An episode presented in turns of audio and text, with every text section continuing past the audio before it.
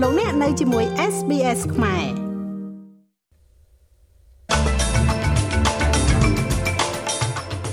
រាជអាជ្ញាទម្លាក់ចោលសំណុំរឿងប្រឆាំងនឹងជនជាប់ចោតបទចាប់រំលោភអ្នកនាង Brittany Higgins សេចក្តីព្រាងច្បាប់ទំនាក់ទំនងនៅកន្លែងធ្វើការរបស់រដ្ឋាភិបាលឥឡូវនេះคล้ายទៅជាច្បាប់ហើយលោក Chris Dawson ត្រូវកាត់ទោសឲ្យជាប់ពន្ធនាគារ24ឆ្នាំពីបទឃាតកម្មលើភរិយារបស់លោក។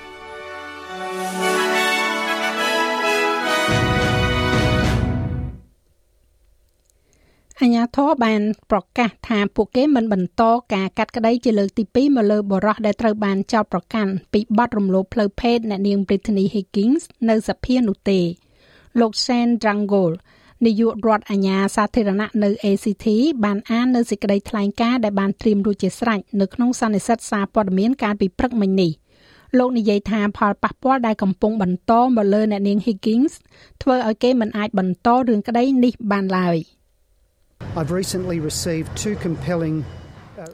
ថ្មីថ្មីនេះខ្ញុំបានទទួលនៅផុសតាងគួរឲ្យតាក់ទាញពីអ្នកជំនាញផ្នែកវិទ្យាសាស្ត្រឯករាជ្យពីររូបដែលថារបួសស្នាមដែលកំពុងបន្តតាក់ទងទៅនឹងការកាត់ក្តីនេះបង្ហាញពីហានិភ័យដ៏ចម្បងនិងមិនអាចទទួលយកបាន ចំពោះជីវិតរបស់ដើមបណ្ដឹងខណៈពេលដែលការស្វែងរកយុត្តិធម៌មានសារៈសំខាន់សម្រាប់ការិយាល័យរបស់ខ្ញុំនិងសម្រាប់សហគមន៍ជាទូទៅ សវត្ថភាពរបស់ដើមបណ្ដឹងនៅក្នុងបញ្ហារំលោភផ្លូវភេទត្រូវតែមានសារៈសំខាន់បំផុតលោក Bruce Lerman ត្រូវបានចោទប្រកាន់ពីបទរួមភេទដោយគ្មានការយល់ព្រមហើយបាននៅក្រៅឃុំដើម្បីរងចាំការកាត់ក្តីថ្មីមួយនៅក្នុងតុលាការកំពូល ACT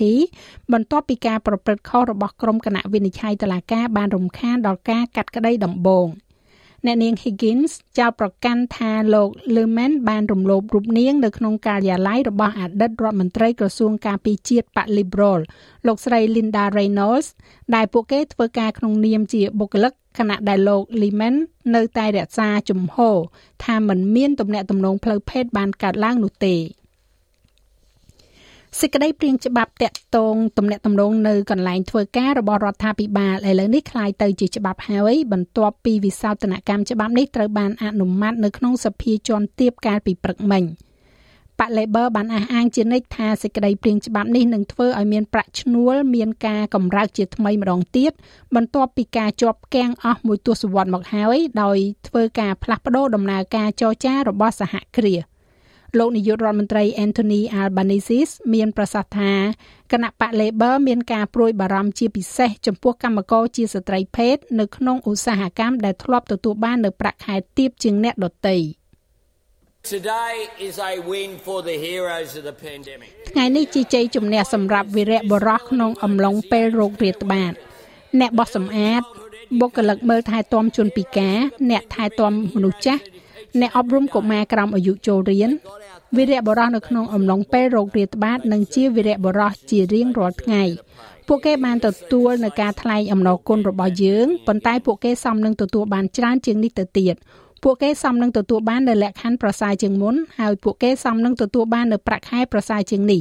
ច្បាប់នេះនឹងធ្វើឲ្យមានការផ្លាស់ប្ដូរម្ដងទៀត មេបកប្រឆាំងសហព័ន្ធលោក Peter Dutton និយាយថាលោកត្រូវការព័ត៌មានបន្ថែមមុននឹងបដិញ្ញាគោលជំហរមួយនៅលើសម្លេងជនជាតិដើមភាគតិចទៅកាន់សភា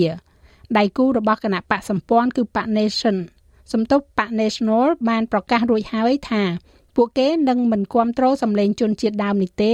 ប៉ុន្តែលោក Dutton និយាយថាលោកត្រូវការយល់ដឹងបន្ថែមទៀតដើម្បីធ្វើការសម្រេចចិត្តលើជំហរជាផ្លូវការរបស់គណៈបក Liberal ។ លោកបានប្រាប់ទូរទស្សន៍ប៉ុស្តិ៍លេខ9ថារដ្ឋាភិបាលហាក់ដូចជាកំពុងតែកាន់ទុកនៅព័ត៌មានលម្អិតសំខាន់សំខាន់ The Prime Minister dumped this voice proposal out លោកនាយករដ្ឋមន្ត្រីបានច្រានសំណើនៃការបញ្ចេញសម្លេងរបស់ជនជាតិដើមនេះចោលកាលពី4ខែមុនมันមានព័ត៌មានលម្អិតនៅឡើយទេលោក Patterson មកពីខាងរដ្ឋាភិបាលកំពុងតែចេញមកដោយនិយាយថានឹងមិនមានព័ត៌មានលម្អិតនោះទេ ហើយខ្ញុំមិនដឹងថាតើអ្នកអាចនិយាយទៅកាន់សាធារណជនអូស្ត្រាលីបានដោយរបៀបណា យើងចង់ឲ្យអ្នកពិចារណាពីទស្សនវិជ្ជាសំខាន់នៃគោលនយោបាយសាធារណៈ ការផ្លាស់ប្តូររដ្ឋធម្មនុញ្ញហើយអ្នកបញ្ចប់នៅក្នុងស្ថានភាពដែលរដ្ឋាភិបាលនឹងមិនផ្ដល់ព័ត៌មានលម្អិតណាមួយនៅមុនពេលបោះឆ្នោតនោះទេហើយខ្ញុំគិតថាប្រជាជនមានហេតុផលសមរម្យក្នុងការសួររោគមូលហេតុទាំងនោះ ក្រុមប្រឹក្សាសហជីពអូស្ត្រាលីហៅកាត់ថា ACTU បានអំពាវនាវឲ្យរដ្ឋាភិបាលកម្ពុជាដោះលែងនិងទម្លាក់ចោលរាល់ការចោទប្រកាន់មកលើកញ្ញាឈឹមស៊ីធប្រធានសហជីពត្រួតត្រងសិទ្ធិការងារបុគ្គលិកកម្មករខ្មែរប្រចាំក្រុមហ៊ុន Nagavel ជាបន្ទាន់នៅក្នុងសេចក្តីប្រកាសព័ត៌មានដែលចេញផ្សាយនៅថ្ងៃទី1ធ្នូប្រធាន ACTU លោកស្រី Michelle O'Neill បានបញ្ជាក់យ៉ាងដូចនេះ ថាកញ្ញាឈឹមស៊ីធត្រូវតែបានដោះលែងជាបន្ទាន់ព្រមទាំងទម្លាក់ចោលនៅរាល់បទចោទប្រកាន់មកលើរូបនាង ACTU ចូលរួមជាមួយនឹងចលនាសហជីពអន្តរជាតិក្នុងការថ្កោលទោសការចាប់ខ្លួនរូបនាង ហើយនឹងធ្វើការត្រួតពិនិត្យយ៉ាងជិតស្និទ្ធលើស្ថានភាពនេះ សេចក្តីប្រកាសព័ត៌មាននេះបានធ្វើឡើងបន្ទាប់ពីតំណាងរាជសហព័ន្ធអូស្ត្រាលីគឺលោក Julian Hills បានអំពាវនាវចេញពីរដ្ឋសភាកាលពីថ្ងៃទី27ខែវិច្ឆិកាឲ្យរដ្ឋាភិបាលកម្ពុជាដោះលែងកញ្ញាឈឹមស៊ីធនិងអំពាវនាវឲ្យតកែក្រុមហ៊ុន Casino NagaWorld អនុវត្តឲ្យបានត្រឹមត្រូវលើបុគ្គលិកហើយត្រូវបញ្ចប់ចំនួនជាមួយនឹងពួកគេសូមបញ្ជាក់ថាកញ្ញាឈឹមស៊ីហោ ត្រូវបានចាប់ខ្លួនបញ្ជូនទៅពន្ធនាគារព្រៃសរកាលពីព្រឹកថ្ងៃទី26ខែវិច្ឆិកានៅប្រលានយន្តហោះអន្តរជាតិភ្នំពេញនៅពេលដែលកញ្ញាធ្វើដំណើរវិលត្រឡប់មកពីប្រជុំនៅប្រទេសអូស្ត្រាលីវិញចាស់ព័ត៌មានលម្អិតលោកអ្នកអាចចូលស្ដាប់លើគេហទំព័ររបស់យើងនោះគឺ sbs.com.au/ ខ្មែរអ តីតគ្រូបង្រៀននៅសាលា Sydney លោក Chris Dawson នឹងជាប់ពន្ធនាគារយ៉ាងហោចណាស់18ឆ្នាំពីបទឃាតកម្មទៅលើភរិយារបស់លោកគឺលោកស្រី Lynette Dawson ដែលត្រូវបានគេសម្លាប់ក្នុងឆ្នាំ1982កាលពីថ្ងៃសុក្រការកាត់ទោសអតិបរមារយៈពេល24ឆ្នាំត្រូវបានសម្រេចបន្ទាប់ពីតុលាការបានរកឃើញថាបុរសវ័យ74ឆ្នាំរូបនេះមានពិរុទ្ធពីបទឃាតកម្មកាលពីខែសីហា គេត្រូវចំណាយពេល4ទសវត្សរ៍សម្រាប់ដំណើរការតុលាការដើម្បីដោះស្រាយរឿងក្តីនេះហើយលោក Dawson នឹងមានសិទ្ធិដាក់ពាក្យសុំដោះលែងចេញពីពន្ធនាគារនៅពេលដែលគាត់មានអាយុ90ឆ្នាំប្លាយស្ត្រីម្នាក់បានបង្ហាញខ្លួននៅក្នុងតុលាការប្រទេសនូវែលសេឡង់បន្ទាប់ពីត្រូវបានធ្វើបច្ចាប័នពីប្រទេសកូរ៉េខាងត្បូងជុំវិញករណីរកឃើញសាកសពកុមារ2នាក់នៅក្នុងវ៉ាលីកាលពីដើមឆ្នាំនេះ។ ស្ត្រីវ័យ42ឆ្នាំរូបនេះត្រូវបានឃុំខ្លួនបន្តនៅក្នុងមន្ទីរឃុំឃាំងក្រោមបទចោទប្រកាន់ឃាតកម្មពីរករណីបន្ទាប់ពីការបង្ហាញខ្លួនយ៉ាងខ្លីរបស់នាងនៅក្នុងតុលាការស្រុកម៉ាណាខៅអ្នកនាងត្រូវបានគេសង្ស័យថាបានភៀសខ្លួនទៅកូរ៉េខាងត្បូងក្នុងឆ្នាំ2018បន្ទាប់ពីបានសម្លាប់កូនកូនរបស់នាង2នាក់ដែលកាលនោះពួកគេមានអាយុ7ឆ្នាំនិង10ឆ្នាំនៅអូក្លែន។ សាកសពកុមារទាំងពីរនេះត្រូវបានគេរកឃើញនៅក្នុងវ៉ាលីដែលគេបោះចោលដោយគ្រួសារមួយបានទិញវាតាមរយៈការដេញថ្លៃតាមអ៊ីនធឺណិត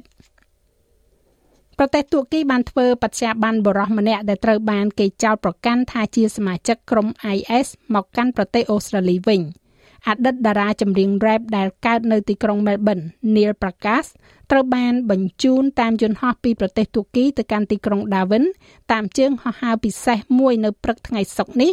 មុនពេលកំណត់ដែលត្រូវបង្ហាញខ្លួននៅតុលាការសម្រាប់ការធ្វើបច្ចៈប័ណ្ណ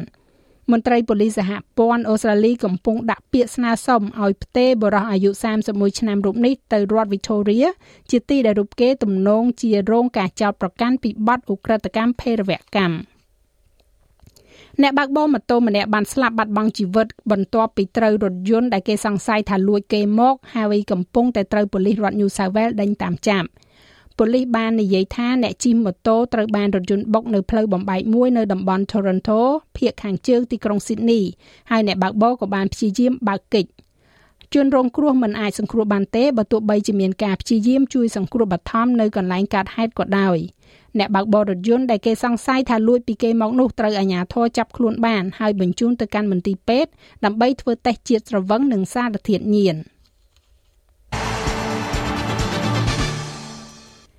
នៅក្នុងព័ត៌មានកីឡាបាល់ទាត់ World Cup បារាំងបានដាក់ពាក្យប្តឹងទៅស្ថាប័នគ្រប់គ្រងកីឡារបស់ FIFA នៅក្នុងចំនួនជុំវិញការសុទ្ធបាល់បញ្ចូលទីមួយគ្រាប់ដ៏សំខាន់នៅក្នុងការប្រកួតជំរុះតាមពូលរបស់ពួកគេ។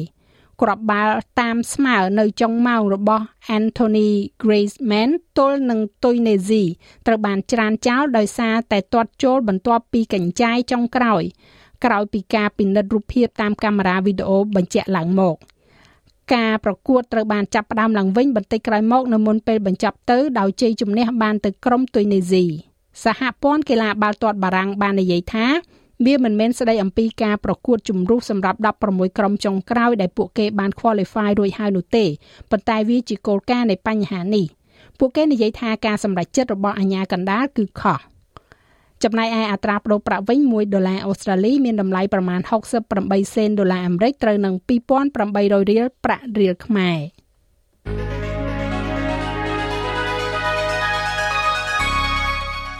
ឥឡូវយើងក៏លេខមើលការព្យាករណ៍អាកាសធាតុសម្រាប់ថ្ងៃសៅរ៍ស្អែកនេះវិញទីក្រុងផឺត បើកថ្ងៃល្អ26អង្សាបើកថ្ងៃដូចគ្នានៅ Adelaide 33អង្សាភាគច្រើនបើកថ្ងៃនៅ Melbourne 30អង្សា ស្រដៀងគ្នាដែរនៅ Hobart 25អង្សា នៅ Canberra មានពពកដោយពេល27អង្សាដូចគ្នានៅ Sydney 24អង្សារលឹមបន្តិចបន្តួចនៅ Brisbane 25អង្សា ដូចគ្នានៅ Cairns 31អង្សា បើកថ្ងៃនៅ Darwin 35អង្សា និងមានភ្លៀងផ្គររន្ទះរាយប៉ាយនៅទីក្រុងភ្នំពេញ31អង្សា